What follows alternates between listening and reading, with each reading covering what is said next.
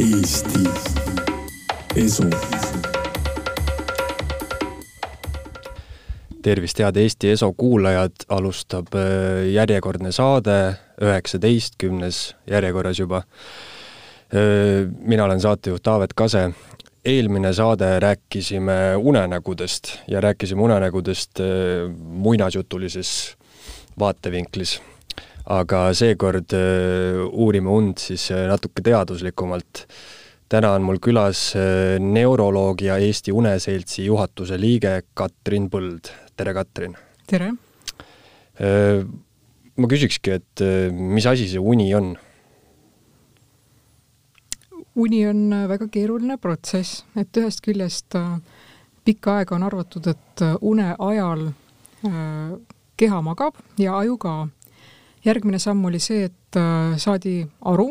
et keha tegelikult võib-olla isegi magab või on lõdvestunud vähemalt, aga tegelikkuses aju on väga aktiivne, eriti teatud ajuosad. et on äh, erinevaid liike, noh, loomi, imetajaid, linde, kellel uni on ainult noh, nii-öelda lokaalne, võib-olla näiteks ainult ühes ajupoolkeras, sellepärast on näiteks rändlindudel võimalik äh, läbida noh, pikki vahemaid, ilma et nad peatuksid magamiseks. Nad magavad ja. siis äh, lennates, jah? Nad magavad ainult ühe ajupoolkeraga samaaegselt mm. -hmm et inimene ju mõnes mõttes ka võib näiteks äh, noh, tavapäratus olukorras või võõras kohas, näiteks hotellis, magada ka nii-öelda ainult ühe silmaga või ainult ühe ajupoolkeraga, aga noh, see on siiski suhteline.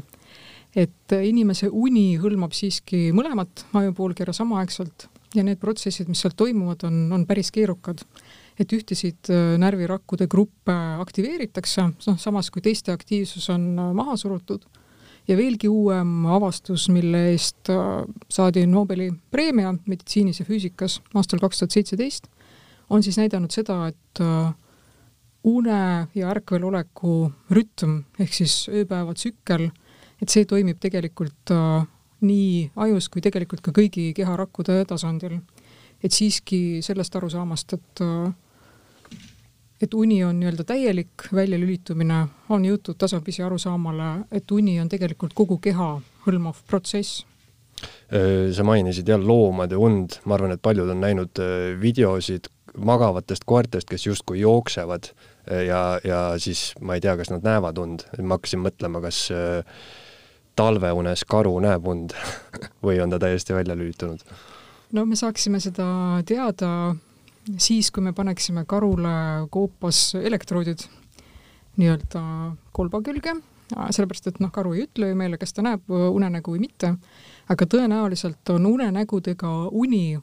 siiski kõikidel imetajatel olemas. Ja nagu sa väga õigesti ütlesid, koerad suure tõenäosusega näevad unenägusid ja see, miks nad noh, nii-öelda teevad ka jooksmisliigutusi unenäo ajal noh, tõenäoliselt see on siis äh, unenäo sisu väljaelamine äh,, seda noh, seda, seda nimetatakse erinevalt, noh inimesel see tegelikult ei tohiks olla noh, normis. et, äh, et unenäo ajal, noh siis, kui me näeme unenägu, peaksid olema kõik kehalihased just lõõgastunud olekus. et see on väike erinevus meie ja loomariigi vahel. Jah, rääkides kehast, siis kindlasti paljud äh, tunnetavad seda, et magama jäädes justkui jalg tõmbleb või, või noh, kuidagi keha teeb mingisuguseid imelikke värinaid, millest see tuleb? see on äh, jah, selline märguanne võib-olla aju poolt äh, noh, skeletilihastele või nagu luulihaskonnale, et, et peabki toimuma nii-öelda selline lõõgastumine ja seda noh, kogeme tõesti nii unne vajudes, et eriti, kui me oleme väga väsinud noh, ma arvan, et paljud on seda kogenud just suure noh, füüsilise ja vaimse väsimuse noh, tingimustes. Ja see on iseenesest selline noh, nagu healoomuline nähtus. et seda võib kogeda ka ärgates tegelikult, kuigi ärgates kipuvad inimesed seda vähem, vähem meenutama. Ja magama jäädes on see siis noh, tavaliselt juba ka põimunud kuidagi noh, unenäo struktuuri, noh kui inimene on väga väsinud, siis ta tavaliselt vajub kohe nii-öelda unenägudega unne, kuigi tavaliselt läheb see kõik natuke teist äh, järjestust pidi. ja et äh, jah, kui, kui äh, just rääkides unenägudest, et kui kui ajus midagi justkui toimuks ja uni oleks, eks ju, füüsiline väljapuhkamine lihtsalt, siis noh, loogiline oleks, et aju on ka täiesti välja lülitunud. aga nagu sa ütlesid, Katrin, et, et me teame, et ei ole, on ju. et sa mainisid ka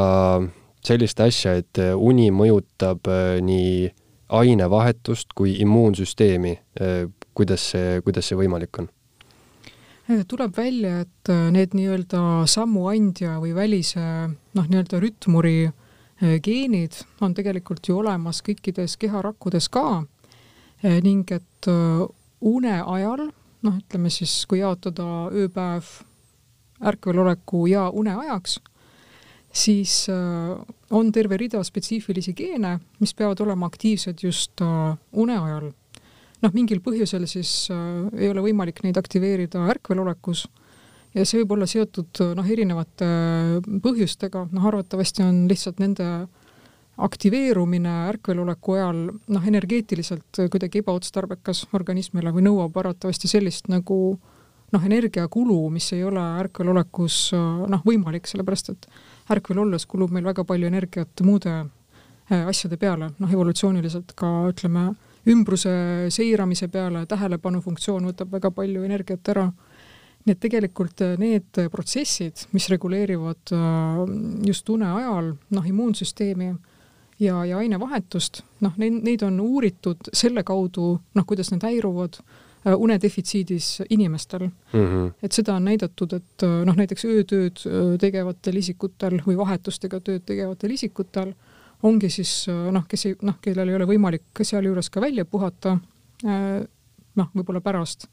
vahetust ja kellel selle tõttu tekib unedefitsiit, et see võib otseselt mõjutada näiteks vererasvade, verelipiidide, kolesterooli ainevahetust,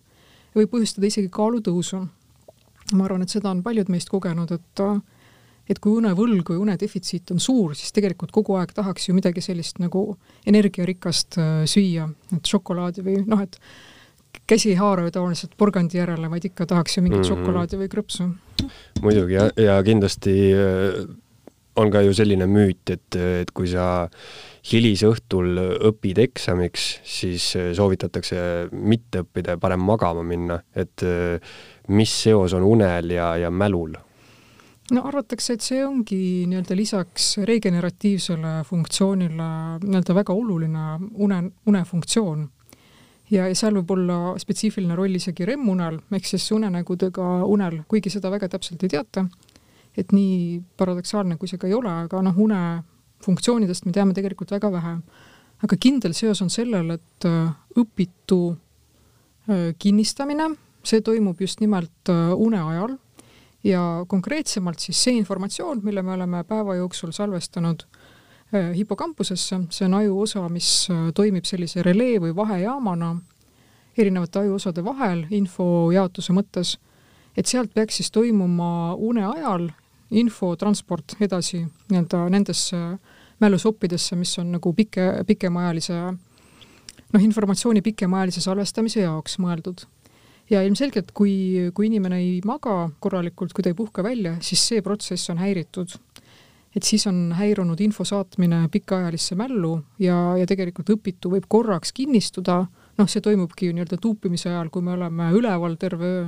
et korraks võib-olla isegi mäletad seda, mida sa oled lugenud või vaadanud, aga hilisemalt see noh, arvatavasti sul noh, meelde ei tule. kas see hipokampus on äh, relee justkui äh, vasaku ja parema poolkera vahel?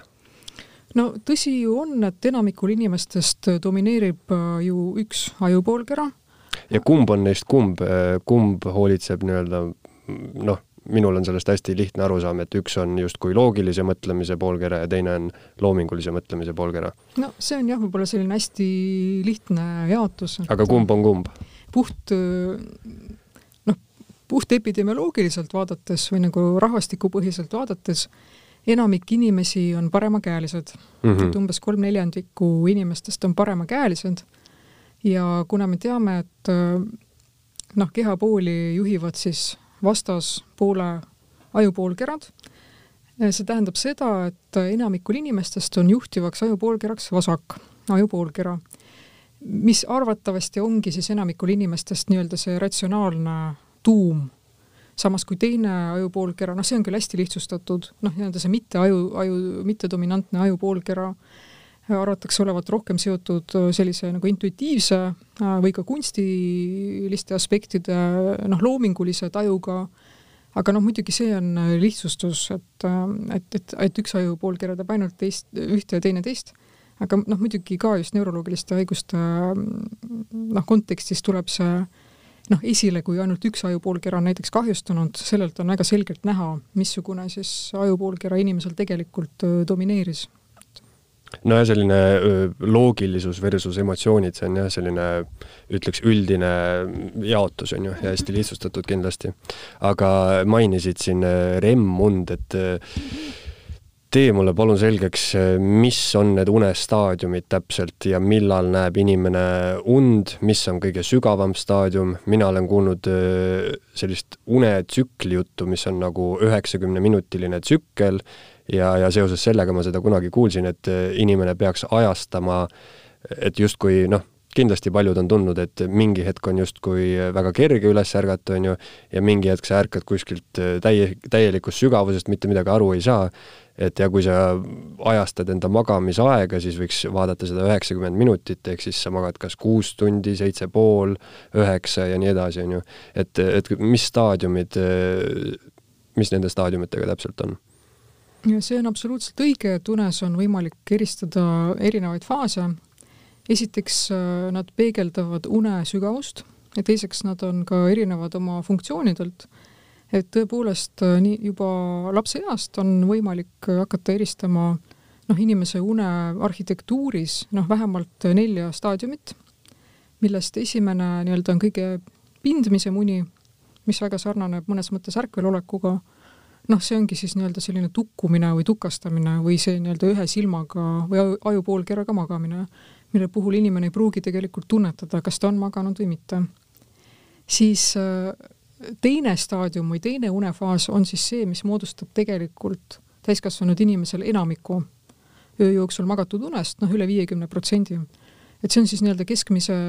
sügavusega uni ja ütleme, lastel on selle osakaal natuke väiksem täiskasvanutel juba natuke suurem ja kolmanda faasi und ehk siis kõige sügavamat und on siis noh, täiskasvanud inimesel kuskil kakskümmend protsenti võib-olla, et seda peetakse siis unefaasiks, mille olemasolu võimaldab meil noh, tõeliselt nii-öelda välja puhata, välja lülitada noh, nii-öelda mõtted igapäevatoimingutest nagu välja. ja siis on olemas REM-uni, mis on tõesti natuke eraldiseisev unefaas et see avastati suhteliselt hiljuti, et kui und tervikuna hakati uurima juba noh, üle saja aasta tagasi, siis see REM-une olemasolu avastati aastal tuhat üheksasada viiskümmend kolm. Ja seda nimetatakse ka paradoksaalseks uneks, sellepärast et see unefaas ka sarnaneb väga palju ärkvelolekule. just nimelt selle poolest, et noh, tegelikult paljud parameetrid, noh, hingamine, pulss ja nii edasi, noh, sarnanevad ka nagu ärkveloleku äh, inimkeha parameetritele ja samas toimub ka suhteliselt aktiivne ajutegevus, et nii-öelda ajulainete profiil, kui seda vaadata noh, uneuuringult, noh, see sarnaneb ärkvelolekule ja eripäraks on siis nii-öelda kiired silmaliigutused, mille järgi ongi saanud siis staadium REM-une nimetuse, mis tuleneb inglisekeelsetest sõnadest rapid eye movement. ja samal ajal nähakse siis ka unenägusid, et äh, mis nende unenägude funktsioon omakorda on, noh, seda on muidugi väga raske öelda, aga arvatakse, et see faas on ka absoluutselt oluline just nimelt nii-öelda mälu konsolideerumiseks ja fakt on ka see, et kui inimene on olnud väga pikka aega nii-öelda unedeprivatsioonis või unedefitsiidis, siis esimesena millegipärast püüab organism korvata just REM-und. et ilmselt siis millekski ta oluline on. ja ainult REM-unes siis äh, näeb inimene unenägusid? jah ja nagu ma aru saan, siis eh, mida sügavamale nendesse unestaadiumitesse minna, siis kogu kehaga pulss aeglustub ja, ja kõige sügavamas unes siis peaks olema noh, kõige nagu rahulikum, on ju. no üldjoontes jah, igale unefaasile on iseloomulikud oma noh, nii-öelda pulsi, vererõhu, hormoonide eritumise noh, oma nii-öelda kindel loogika ja järgnevus ja tõepoolest noh, nii-öelda noh, kogenud unespetsialistid saavad ära määrata noh, nii-öelda unefaasi noh, isegi noh, inimest nägemata ja tema uneuuringut nägemata, vaid ainult näiteks pulsi, vererõhu ja hingamissageduse järgi, et see on täiesti võimalik. Ja enne, kui sa küsisid nende unetsüklite kohta, siis jah, ütleme see unefaaside järgnevus, mis ma loetlesin, et siis see esimese, teise, kolmanda faasi uni ja REM-uni, mis tegelikult on ka nagu pindmine, et see kõik moodustab ühe unetsükli. noh, see on muidugi jah, ideaalses maailmas nii, et, et me magaksime kindla unetsüklite arvu, aga tõepoolest see, kui ärgata noh, sügavast unest, kolmanda faasi unest, et see võib olla seotud väga suure segasusseisundiga alguses, sellepärast et noh, ei pruugi taibata kohe, kus sa oled või, või nagu mida sa tegema pead, eriti kui helistatakse näiteks ootamatult. Kas need unestaadiumid alati järgnevad üksteisele niimoodi või, või näiteks see REM-uni hüppab kuskil vahele? sa mainisid, et, et kui on unedeprivatsioon, on ju, siis võib-olla tuleb esimesena hoopis REM-uni. täiskasvanud inimesel jah, kui aju on juba noh, nii-öelda piisavalt küps siis noh, see toimub kuskil kahekümne viiendaks eluaastaks, ähm, siis jah, need faasid peaksid olema just nimelt selles järgnevuses. lastel on natuke teistmoodi, et äh, lapsed on üldse natuke plastilisema närvisüsteemiga ja neil võib see küll piltlikult öeldes äh, noh, uinumise hetkest äh, noh, kõik need unestaadiumid võivad olla läbitud väga erinevas järjekorras, et lapsed võivad tõesti kohe peale magama jäämist hüpata nii-öelda kohe kõige sügavamasse kaevu, ehk siis kohe äh, N3 kolmandasse unestaadiumisse, sealt hüpata REM-unne, sealt veel omakorda nii-öelda teise unestaadiumisse, aga täiskasvanute puhul jah, ütleme see asjaolu, kui noh, kui inimene langeb kohe REM-unne peale magama jäämist, see võib peegeldada kas väga-väga tõsist noh, nii-öelda unedeprivatsiooni või siis see on iseloomulik ka teatud neuroloogilistele haigustele, nagu näiteks narkolepsia okei okay,, samas ma mõtlen, mina teen tihti päeval uinakuid. Ja unenägudest rääkides, siis need päeval selle kahekümne minuti jooksul, mis ma teen uinaku, ma näen noh, täiesti crazy sid unenägusid. ma alati mõtlen, et see on ka sellega kuidagi seotud, et ma joon kohvi, siis ma lähen magama siis ma olen niisugune noh, aju ikkagi suriseb, aga samas siis võiks öelda, et see on, eks ju, REM staadium et siis ma nagu kuidagi päeval justkui mingi väikseks ajaks hüppan nagu remmi. jah, see võibki nii olla ja muidugi ühelt poolt noh, teades, kui kiire elutempo tänapäeval kõigil on, et me magamegi keskmiselt noh, kindlasti vähemalt tund aega vähem, kui inimesed magasid sada aastat tagasi. jah, see kindlasti peegeldabki noh, enamikul inimestest esinevad teatud unedeprivatsiooni, see, et me näeme ka päevase uineku ajal unenägusid teisalt äh, võib see muidugi ollagi see, et äh, kui organismi sellega harjutada, et, et toimuvad ka nii-öelda päevased väiksed unesutsakad, siis, äh, siis ta ikkagi ajastab selle nii, et ta jõuab nii-öelda selle mikrotsükli ikkagi ära teha, et, et kus läbitakse ikkagi kõik une, unefaasid, aga võib-olla kiiremas, kiiremas järjekorras siis lihtsalt. See on tõesti päris veider, et kui on unedeprivatsioon, siis inimene võtab esimesena seda REM-und, see noh, kuidagi tundub natuke ebaloogiline, et kui sa oled hästi väsinud, siis justkui äh, tundub loogiline, et oleks vaja seda hästi sügavat und, aga on vaja hoopis seda unenäound. et äh, REM-unes, nagu ma aru saan, siis on ikkagi ajutegevus umbes samasugune nagu ärkvel olekul? jah, see sarnaneb väga paljuski ärkvel olekule ja väga aktiivsed on just noh, teatud ajuosad, noh näiteks ajutüvi on väga aktiivne, mis arvataksegi, mis nagu osaliselt äh, genereerib unenägusid. teisalt on äh, kas ajutüvi on see kolmanda silma käbikeha? Mm, ajutüvi on siis see keskus, kus paiknevad äh, kõik, ütleme, vegetatiivse närvisüsteemi keskused, kus toimub meie nii-öelda hingamise kontroll, pulsi ja vererõhu kontroll.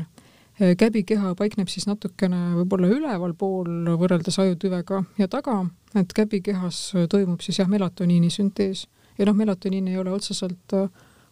ega unenägude hormoon, see on selline võib-olla pimeduse hormoon, mis hakkab vallanduma, mille nii-öelda sekretsioon vereringesse hakkab vallanduma inimesel pimeduse saabudes. aga jah, mis, mis puudutab neid äh, unenägusid, siis äh, noh, arvatakse, see on hüpotees praegu, arvatakse, et just nimelt REM-une ajal toimub siis ajus nii-öelda uute närvirakkude teke, et kui meid on pikka aega õpetatud, et närvirakud ei taastu, noh, tegelikult äh, taastuvad, et igal inimesel sünnib ööpäevas juurde umbes viis tuhat äh, uut närvirakku. iseasi on see, et me väga täpselt ei, ei tea, noh, missugustesse nii-öelda närvivõrgustikesse nad täpselt lülituvad ja kas nad päriselt asendavad neid närvirakke, mis noh, umbes samas tempos ju meil igapäevaselt hävinevad ka. et me ei tea tegelikult, mis on nende uute närvirakkude funktsioon, aga arvatavasti mingi selline neurogeneesi funktsiooniga on ikkagi see REM-uni seotud ka? Mainisid, et me magame vähem kui võib-olla sada aastat tagasi. Kindlasti on ka see seotud, on ju, selle valgusreostusega, et vanasti lihtsalt oli pimedam. Ja ideaalis, nagu ma saan aru,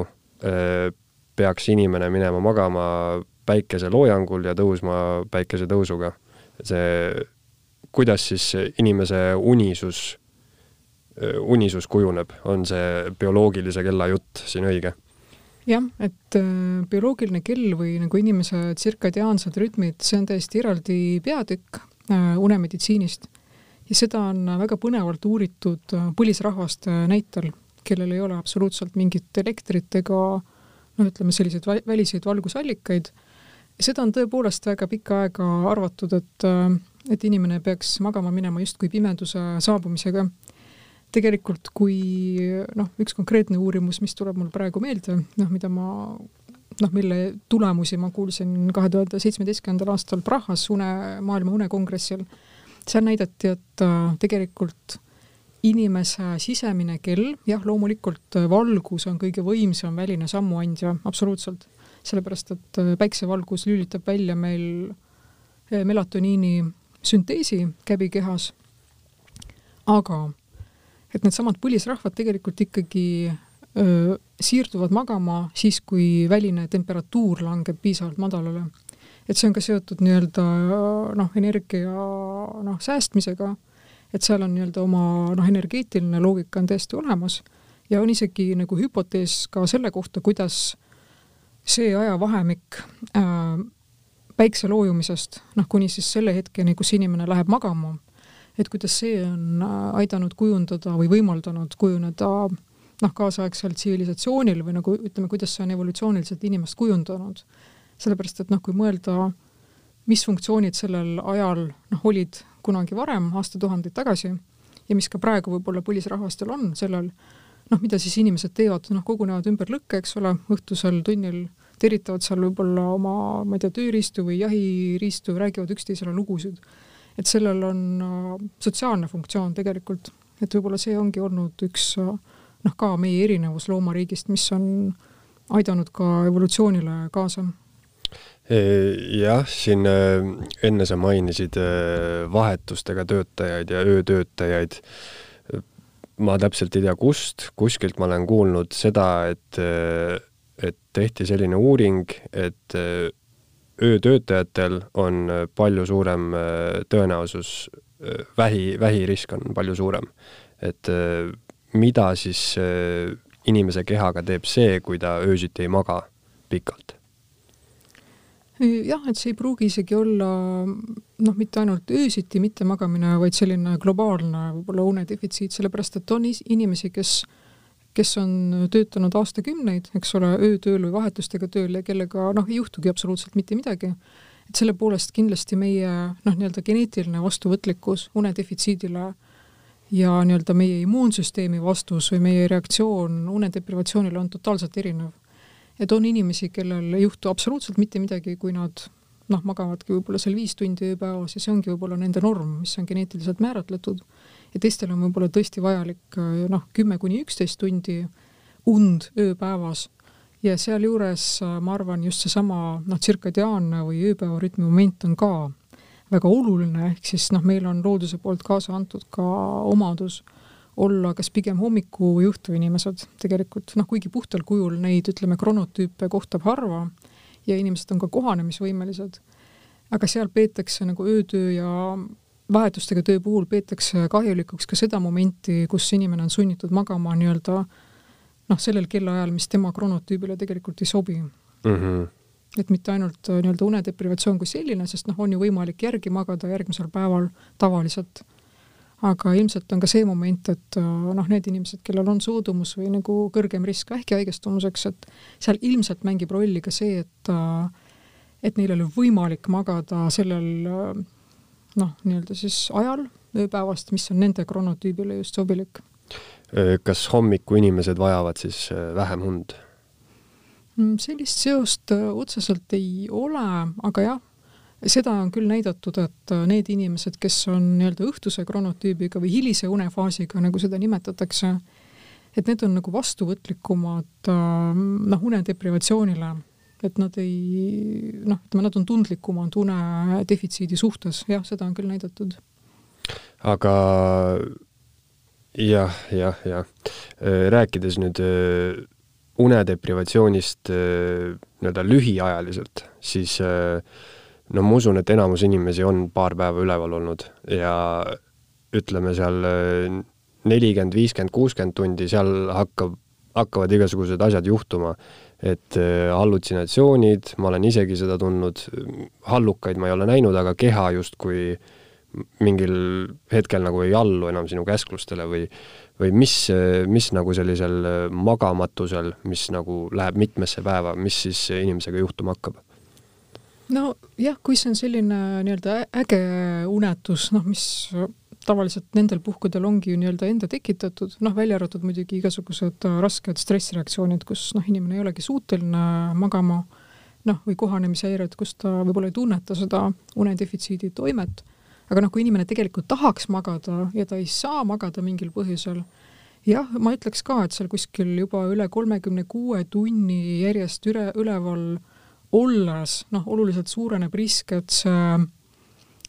uni, eriti just REM-uni, et see lihtsalt tungib sinu ärkvelolekusse, et see on tuntud ka mikrounena, noh, selliste mikrouinakutena, et seda kirjeldavad ju paljud autojuhid, noh, ka kaugsõiduautojuhid näiteks, kes ütlevad, et aga ma olin enda arvates kogu aeg üleval, aga millegipärast see noh, puu tuli lihtsalt nii-öelda vastu mm -hmm. ja mhm. järsku ma avastasin, et ma olen kuskil teepervel, et see võib olla noh, mõni sada millisekundit ainult, aga sellest piisab, et noh, kontroll tegelikult oma keha üle täielikult ära kaob. ja sama on ka hallutsinatsioonidega, et hallutsinatsioonid või sellised noh, nad ei ole meelepetted otseselt, aga noh, nägemused või viirastused, et see peegeldab ju seda, et REM-uni tungib meie ärkvelolekusse? Nojah, sealt see on umbes seesama seos, et nagu sa enne mainisid, et unedeprivatsioonil hakkab keha kõige rohkem just REM-und, on ju, taga igatsema nii-öelda. ja, ja kui sa magama ei lähe, siis lihtsalt lihtsalt jääd püsti jalu magama põhimõtteliselt. no või ka autoroolis, millel mm -hmm. on mhm. katastroofilised tagajärjed. mis, mis rekordid on, kui palju inimesed on kõige rohkem üleval olnud? mul no. üks sõber ütles, et ta oli viis päeva üleval ma ei usu seda, tähendab, ma arvan, et äh, see inimene, kes ütleb, et ta on viis päeva olnud üleval, ma arvan, et ta siiski on vahepeal äh, noh, nagu kogenud äh, siiski und, noh, millest ei ole võib-olla ise teadlik olnud, et äh, noh, seda on ka nagu tõendatud mitmesuguste katsetega, et et noh, loodus ei ole ju nagu öeldakse loll, et ta leiab ikkagi oma võimaluse. et ma ei tea täpselt, mis see nii-öelda mittemagamise rekord on, aga noh, noh näiteks selline katse on tehtud, kus äh, inimesel on ajuelektroodid kogu aeg küljes, noh millega registreeritaksegi erinevaid unefaase ja samal ajal näidatakse noh, näiteks eredat valgust noh, mingite sähvakutena. no see on justkui mingi piinamisvõte no,. nagu piinamine, aga idee poolest inimene ei tohiks nagu magama jääda sellistes tingimustes. ja ikkagi nagu, kui olla piisavalt kaua magamata, siis mingil hetkel noh, jääb inimene ka nende valgussähvakuid, noh, ka neid valgussähvakuid vaadates jääb ta ikkagi magama, aga kõige huvitavam noh, on see, kui, kui neilt pärast küsida siis, et miks sa, aa, nad pidid veel nuppu ka vajutama, kui mm -hmm. nad noh, kui nad näevad valgussähvakuid. ja noh, väliselt ei pruugi isegi nagu arusaadav olla, et inimene nagu magab, aga kui küsida pärast nendelt inimestelt, kes sähvakute ajal ei vajutanud nuppu, et miks sa siis nagu ei vajutanud, noh, nad ütlevad noh, mitte seda, et nad jäid magama, vaid seda, et nad ei näinud enam mm. neid valgussähvatusi, kuigi tegelikult aju staadiumite, unestaadiumite registreering näitab, et seal nagu toimus reaalselt juba uni. jah, see on äh, võib-olla natuke sarnane efekt, kui jääda teleka taga magama, äh, ükskõik noh, kui sa oled väsinud, ükskõik kui kõvasti sul see telekas mängib ja paistab seda sinist valgust sulle näkku, aga noh, ikka jääd magama no,. loodus võtab lihtsalt oma lõpuks, jah ja siis vahepeal ma mõtlen, et äh, on selline asi, kui, äh, kui sa jääd näiteks muusikaga magama, minul on seda juhtunud, äh, siis mind äratab üles see, kui muusika jääb vait. et kuidagi sa, ma ei tea, on sellel mingi seos, et sa nagu harjud ära selle keskkonnaga, jääd seal magama ja kui midagi muutub, siis noh, üldiselt on see niimoodi, et sa jääd va-, vaikuses magama, kui muusika mängima läheb, sa ärkad üles, aga siis on justkui vastupidi. Absoluutselt, jaa, et mis iganes selline piisavalt monotoonne stiimul, mis toimib meile noh, nii-öelda magama jäämise hetkel, et see noh, võibki meid nii-öelda unnes uigutada, noh kuigi seda absoluutselt ei saa soovitada noh, nii-öelda uinumise soodustamiseks, sest noh, kui, kui on ikkagi tõsine unetus, noh siis ükski muusika nagu absoluutselt ei aita magama jääda, aga sama efekt on ju tegelikult ka autosõiduga. Et kui inimene jääb äh, autoga sõites või noh, kõrvalistuja roolis, äh, kõrvalistuja rollis jääb näiteks magama, siis ta ärkab ju selle peale, kui auto jääb seisma tavaliselt. seda, seda teooriat ma olen ka kuulnud, et et liiklus, liikluses need kiirusepiirangud on tegelikult ohtlikud, et äh, kui sa hästi pikalt sõidad ja kui sa sõidad suurema kiirusega, siis on sul adrenaliin palju suurem ja sul on palju suurem tõenäosus nagu üleval olla. Sest keha toodeb adrenaliini, kui sa sõidad näiteks saja viiekümnega, kui sa üheksakümnega võib-olla tiksud, et siis palju suurem võimalus on magama jääda. no ma arvan tegelikult, et seal on, see võib olla salakaval aspekt, et tänapäeva autod on nii näiliselt ohutud või nagu, et ütleme, kas see väline müra ei kostu enam üldsegi nii palju sisse, kui võib-olla varasematel automudelitel ja tegelikult see noh, mulje võib jääda ju sellest, et me sõidame tegelikult palju madalama kiirusega. Või nagu tunnetatav või ikka tajutav kiirus võib tunduda meile palju madalam. Ja teiseks on see, et äh, ka unepuudus või unedefitsiit noh, loomulikult häirib ka meie nagu kriitikameelt või kuidas ma ütlen, enesekriitikat, et me, mida väsinumad me oleme, seda vähem me tegelikult oma väsimust tunnetame ja samas seda, seda vähem meil on ka nii-öelda enesekriitikat oma nii-öelda impulsside üle. et selline teatav impulsiivsus pigem nagu suureneb unedefitsiidi tingimustes või nagu võime eristada olulist ebaolulisest väheneb.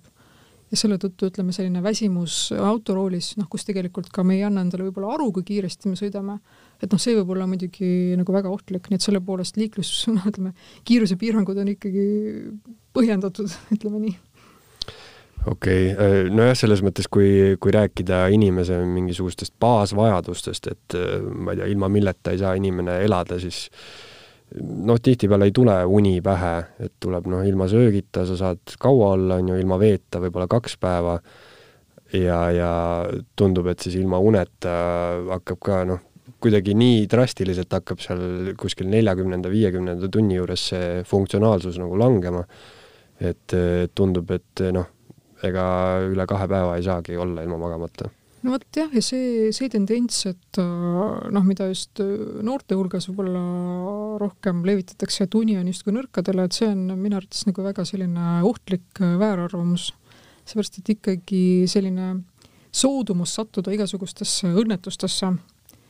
noh, ikkagi suureneb täiesti proportsionaalselt võrdeliselt sellele, kui magamata me oleme. ja mida rohkem me magamata oleme, seda vähem me seda tegelikult noh, tajume nii-öelda, et seda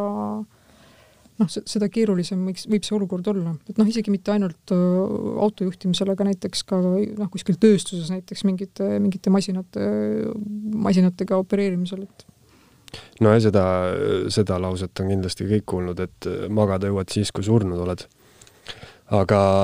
ja noh, see on ka seotud kuidagi selle, ma ei tea, mingi edukultusega vist, et, et magamine on nõrkadele, iga hommik pead ennast äh, kell viis üles äratama ja, ja mis iganes, eks ju. no just, ja üha rohkem ma kuulen ka neid üleskutseid, et umbes väljuge ikka oma mugavustsoonidest ja, ja nii edasi mm, -hmm. noh, kuigi tegelikult, kui ma vaatan noh, kas või neid inimesi, kes mu vastuvõtul käivad, et noh, oma noh, tõe, tõelise nagu unedefitsiidiga, millest nad võib-olla noh, ei ole ka teadlikud ja noh, vaadates, kui väsinud nad on, siis jah, ma ütleksin, et, et paljud inimesed ei ole sinna nagu mugavustsooni sisenenudki aga ja just rääkides noortest, siis tundub, tundub justkui, et nooremas eas peaks olema, on ju, inimesel rohkem energiat ja võib-olla vähem und tarvis. kuigi praktika, ma ütleks, et vanad inimesed ärkavad, on ju, väga varakult ja pigem just magavad vist vähem nagu vanaduses. et kuidas see vanadusega, see unevajadus muutub ütleme jah, vanadus on võib-olla selline diskrimineeriv äh, termin, aga ütleme siis vanemaks saamisel unevajadus meil jah, tõepoolest natuke väheneb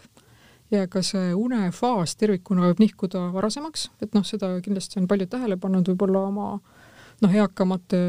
sugulaste põhjal, et, et ikkagi mida vanemaks me saame, seda suurem on tendents ärgata varem, noh, olenemata sellest, kas meil on vaja tööle minna või ei ole. Ja, ja, ja une nii-öelda kvaliteedis leiavad ka aset kindlasti muutused, noh, vanemaks saamisel, mis on mõnes mõttes nagu paratamatud, nii et kahjuks jah, peab nentima, et teatud une kvaliteedi langus ja une kvantiteedi langus, see on täiesti ootuspärane, see on täiesti nagu loomulik, noh, vananemisega noh, kaasas käiv näht. aga ja... kas see, kas see tuleneb sellest, et vananedes sa lihtsalt äh, kulutad vähem energiat ja kuidagi või kus see seos on? no üks vastus peitub kindlasti nendes samades äh, melatoniini iritumise kõverates et ikkagi, mida vanemaks me saame, seda vähem noh, eritab pimeduse saabumisel meie käbikeha melatoniini. ja see ongi see, miks ütleme just nii-öelda vanemaealiste noh, niisuguste kergemate unekaebuste noh, ravis ongi nii-öelda melatoniini nagu soovitatud, võib-olla ühe sellise loomulikuma või ohutuma vahendina, noh, mis on tõepoolest selle eeliseks, on kindlasti ohutus võrreldes uinutite rahustitega sa mainisid enne neuroloogiliste haiguste ja une vahelist seost, kas unetus või insomnia, kas see on ka neuroloogiline haigus? No, no kuidas võtta, päris neuroloogilise haigusena see võib-olla ei klassifitseeru, ta on midagi piiripealset äh, psühhiaatria ja neuroloogia vahel, sellepärast et noh, saab eristada kindlasti sellist lühemaajalist äh, unetust noh, mida noh, enamik inimesi kindlasti kogeb äh, stressiga kaasnevalt või ütleme seal näiteks mingi eksamiperioodi või kolimise või mingi isikliku elu problemaatikaga ja mis tavaliselt möödub ja ei vaja nagu mingit ravi. Aga osadel inimestest millegipärast jääb äh, unetus püsima ja, ja kujuneb täiesti iseseisvaks probleemiks, olenemata sellest, kas see algne unetust esile kutsunud tegur on veel alles või mitte. et see on kõige müstilisem unetuse puhul ja vot selle poolest juba nende mehhanismidega nii-öelda toimetulek, mis hoiavad seda unetust alal ja kuidas neid murda, seal on mõnikord tarvis väga sellist nagu kogenud noh, psühhoterapeudi kätt, võib-olla ka kliinilise psühholoogi ja psühhiaatri abi tegelikult, sest päris kindlasti ei saa sellises nagu kroonilise unetuse staadiumis noh, enam ainult ravimitega noh, aidata seda inimest vaid suure tõenäosusega peab kasutama ka ütleme seal kognitiivseid või, või käitumuslikke mingisuguseid mustrite muutusi.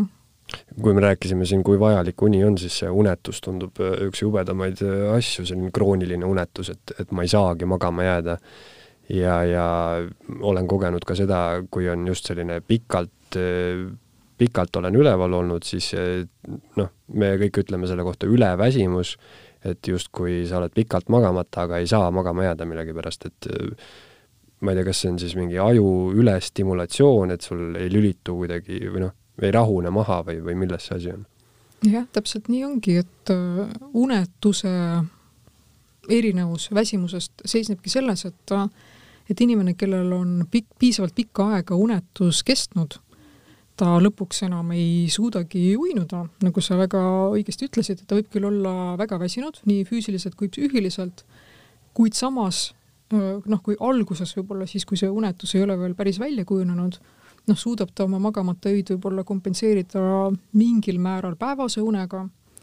aga lõpuks noh, ei suuda korraliku unetuse puhul enam noh, inimene magada ei päeval ega öösel. Noh, kuigi seal muidugi leiab aset ka see nähtus, et et noh, ka jällegi, kui unetus on piisavalt pikalt kestnud, siis äh, noh, need inimesed, kes on niigi väga tundlikud oma noh, une suhtes ja väga tähelepanelikud igasuguste noh, unega seotud noh, tajude suhtes, noh, nad võivad tõesti väita, et nad ei ole päevi maganud või isegi nädalaid, kuigi tegelikult nad magavad. lihtsalt leiab aset äh, selline uneseisundi väärtaju, noh, kus sellist nagu pindmistund, esimese-teise faasi und ei tajutagi enam äh, unena, just nimelt sellepärast, et äh, kogu närvisüsteem on niivõrd nagu ülierutunud ja see ülierutuse seisund on niisugune krooniline juba. Sa mainisid, et sellisel juhul on ravimitest ainult ei ole kasu, aga, aga rääkides unerohtudest, et kas see on tõsi, et unerohtudest võib sõltuvusse jääda, et sa justkui rikud enda, ma ei tea, naturaalse uinumise ära ja sa ei suudagi enam ilma nendeta magada? no ega fakt on ju see, et ükski ravim, ükski keemiline ühend ju meile sellist päris füsioloogilist und anda ei saa. et loomulikult paljud ained mõjuvad und soodustavalt, aga noh, ega ikkagi ükski aine lõppkokkuvõttes ei noh, ei anna sellist und, mis, kus oleks kõik unefaasid esindatud, kus oleks äh, nii-öelda kõik õiges proportsioonis, noh enamik äh, uinuteid aitavad küll mingil määral saavutada noh, keskmise sügavusega und, aga samas väga paljud nii-öelda und soodustavad ravimid ja ka noh, väga paljud opioidsed valuvaigistid näiteks noh, söövad ära ikkagi nii sügava une kui REM-une nii et selle hind on nagu igas mõttes kõrge, noh ja see noh, mainimata veel tõesti seda noh, sõltuvuse kujunemise potentsiaali, mis on noh, ka nagu tõesti märkimisväärne oht. aga kuidas noh, igaüks, kes on unerohtu söönud, teab, et magab nii-öelda nagu kott, et kuidas see, kuidas see unerohi siis magama paneb inimese, et kas see on nagu rahusti, mis tõmbab sul pulsi aeglasemaks või, või noh,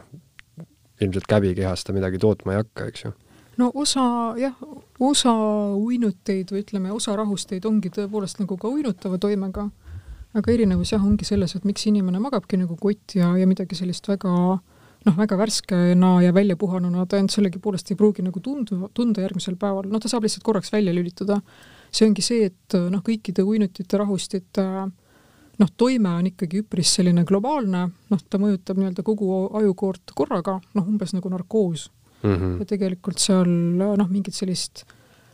noh, eristumist, et ühed ajuosad on nagu rohkem aktiivsed, teised vähem, noh nagu normaalse une korral see aset leiab ja noh, õiges järjestuses, et noh, seal seda ju ei toimu nii-öelda keemiliste ühendite äh, toimel. nii et see on nagu parimal juhul jah, selline füsioloogilise une aseaine. Noh, see mõningatel juhtudel on õigustatud, kui me näeme, et inimene on väga, väga väsinud ja väga kurnatud ja noh, tõesti ei suuda enam iseennast aidata aga see peaks olema jah, ainult selline sissejuhatav noh, ravi, noh ja üleminekus siis juba teistele ravimeetoditele, psühhoteraapiale, käitumuslikule teraapiale, mis on küll väga tõhusad, aga mis ei avalda võib-olla nii kiiresti toimet. et pigem on see selline, mulle tundub justkui nagu füüsiline väljapuhkamine. Et sa lihtsalt äh, magad ja mitte midagi aru ei saa. just, ja see võimaldab noh, teatud mõttes inimesel ka lahti saada sellistest nagu katastroofilistest mõtetest, et nüüd, kui ma noh, veel paar ööd näiteks ei maga, siis juhtub minuga midagi hirmsat, et see on ka väga iseloomulik inimestele, kes kannatavad äh, pikaajalise unetuse all, et katastrofiseeritakse nii unetust, noh, kui ka selle nii-öelda päevaseid tagajärgi. ja see mõnes mõttes nagu võib invaliidistada inimest palju rohkem kui unetus ise ja nagu selle reaalsed tagajärjed, sellepärast et noh, unetuse toimel võibki välja kujuneda selline nagu vältiv käitumine ja selline kompensatoorne käitumine, mis tegelikult uinumisele mitte kuidagi noh, kaasa ei aita, noh näiteks liigne voodis pikutamine, noh looduses, lootuses, et lõpuks jäädakse siiski magama, noh kuigi seda ei juhtu. ja ütleme, see noh, vältiv käitumine tähendab seda, et kui noh, inimene on väga väsinud ja ta katastrofiseerib samas ka oma nii-öelda unetuse tagajärgi, siis ta lihtsalt ei pruugi enam oma noh, oma ülesannetega noh, toime tulla, ta lihtsalt lükkab kõik kohustused ja asjad nagu edasi ja ei osale enam sotsiaalses elus sest ta lihtsalt arvab, et ta, ta ei tule nende asjadega enam toime. aga mis siis teha, kui magama ei jää ja ei jää, lamad voodis, veel rohkem ajab närvi see, et mida rohkem sa lamad, seda vähem sa saad magada, sest hommikul tuleb ärgata ja tööle minna. kas äh, lambaid on mõtet lugeda või peaks püsti tõusma? No lambad on ju väga sümpaatsed, et neid võib ju absoluutselt lugeda, et see on noh, see on nagu täiesti valiidne soovitus aitab see uinumisele kaasa? see on vähemasti, ütleme, selline ohutu, ohutu võte, mida proovida, noh, täpselt samamoodi nagu noh, ütleme, soovitatakse, kui uni ikkagi ei tule kuskil kümne-viieteist, noh, ütleme kümme-viisteist, see on nagu väga väsinud inimese puhul, noh, kus noh, saabub uni, ütleme pool tundi on siis selline unelatentsi aeg, noh, täiskasvanud inimese puhul,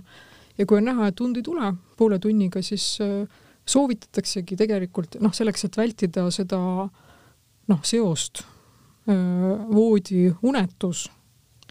soovitatakse lihtsalt püsti tõusta ja teha vahelduseks midagi muud. noh, kas teha endale tassi teed, noh, kuulata natuke muusikat, noh, väljaspool voodit mm. -hmm, aga noh, kindlasti mitte, kindlasti mitte ekraani vaadata. et kas või teha pisike tiir ümber maja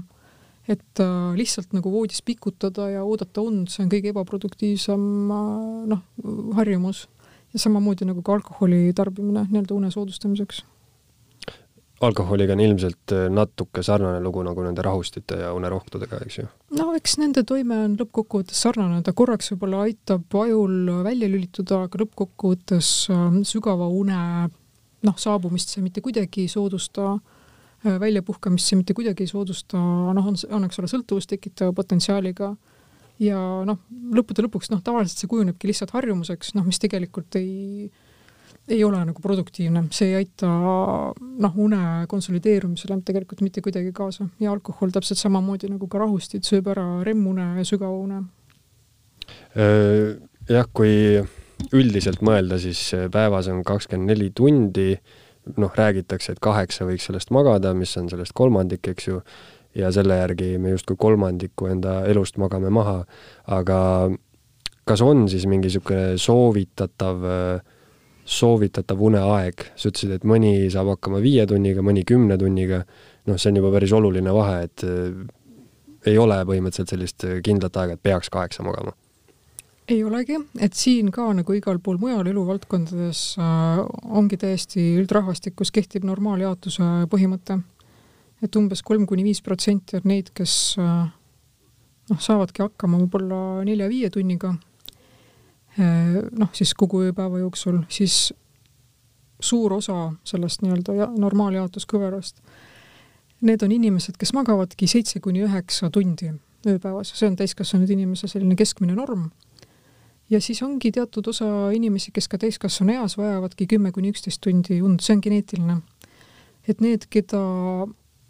noh, kellel on siis nii-öelda unevajadus äh, väga väike ja need, kellel on ka unefaas sealjuures tavapärasest erinev, need ongi need, keda võib kohata näiteks äh, ma ei tea, kell kolm öösel kuskil jõusaalis või nii. et need on lihtsalt inimesed, kes oma kronotüübile vastavalt äh, noh,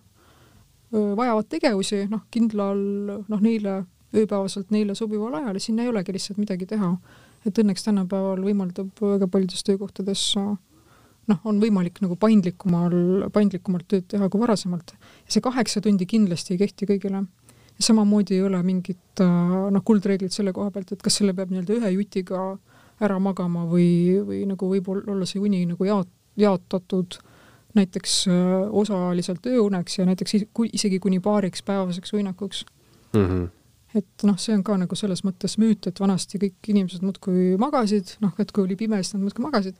et arvatakse tegelikult, et, et ka elektrieelsel ajal oli siiski erinevaid nii-öelda une noh, faase inimestel, et äh, täiesti oligi võimalik, et jah, ühe osa ööst nad võib-olla magasid, siis jällegi tõusid üles, noh, ka tegid seal mingeid asju võib-olla,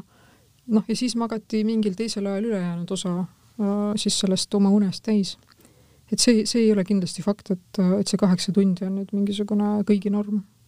kas sellel on huvitav ka mingisugused äh, kultuurilised mõjud, et äh, riigid, kus näiteks peetakse siestat, eks ju, kus on nagu lõunauinak on täiesti normaalne, et äh, kas seal noh, inimesed ongi nagu selle tempoga ära harjunud? jah, ma arvan, et seal ongi ju loodus noh, dikteerinud selle osaliselt et, äh, et noh, kõige palavamal kellaajal, kus ei olegi võimalik lihtsalt midagi teha, ma arvan, et nende nii-öelda organismid ongi lihtsalt sellega harjunud ka. et täpselt samamoodi nagu noh, ka meie ju mõnes mõttes oleme ära harjunud noh, pimedusega ja noh, me ju kaugeltki mitte ei maga noh, kogu noh, pimedal ajal, kui meid noh, kui valgust ei ole, et see nii-öelda ei ole kaugeltki mitte uneaeg, noh, kõik see, mis, mis pimedal ajal toimub. sa mainisid enne, et võib-olla sellest äh, pimedusest on isegi olulisem äh, temperatuuri muutus, et äh, ma mõtlengi, et millised seosed seal võivad olla, et et ütleme, siesta, seda seostatakse nagu päeva kõige palavama ajaga ja siis justkui inimene on hästi uimane ja unine, mis iganes, eks ju. aga noh, kõik teavad, et, et kui ilmas magada on palju parem, ma ei tea, pea on kuidagi selgem, et kumb siis teeb unisemaks, kas madal temperatuur või palav ma arvan, et ikkagi mõlemat pidi, sellepärast et nii ülemääraselt noh, kuum ilm kui ka väga madalad temperatuurid noh, teevad ju nagu seda ikkagi, et nad aeglustavad maha mingid ainevahetusprotsessid, et lihtsalt mingid ensüümid meie kehas, mingid katalüsaatorid lihtsalt ei toimi ülikõrgetel või ülimadalatel temperatuuridel ja lihtsalt noh, loodus lülitab meid välja nagu selleks, et toime tulla noh, ekstreemsete temperatuuridega, et ma arvan, et see on selline trade-off lihtsalt, mis toimib mõlema skaala otsas. Kas see on tõsi, et enne magama minekut võiks ennast ära väsitada? absoluutselt, see on kõige võib-olla elutervem soovitus üldse, mis on täiesti universaalne et selleks, et noh, seda räägib juba nii-öelda vana noh, une nii-öelda homöostaasi või tasakaalu teooria, et selleks, et üleüldse magada no normaalset füsioloogilist und, noh selleks on hädavajalik ennast füüsiliselt väsitada. Et ilma selleta ei ole siiski võimalik inimesel täisväärtuslikku und saavutada. ma olen ka kuulnud sellist juttu, et umbes ära enne magamaminekut trenni tee, siis läheb pulss üles, aga noh, kui sa teed kõva trenni, siis mulle tundub, et ta tuleb ikkagi üsna kiiresti alla kui sa noh, ma ei tea, võib-olla tund aega enne magamaminekut teed trenni, tund aega oled veel üleval ja siis lähed magama, tuleb küll hea uni. no see on jällegi asi, kus ma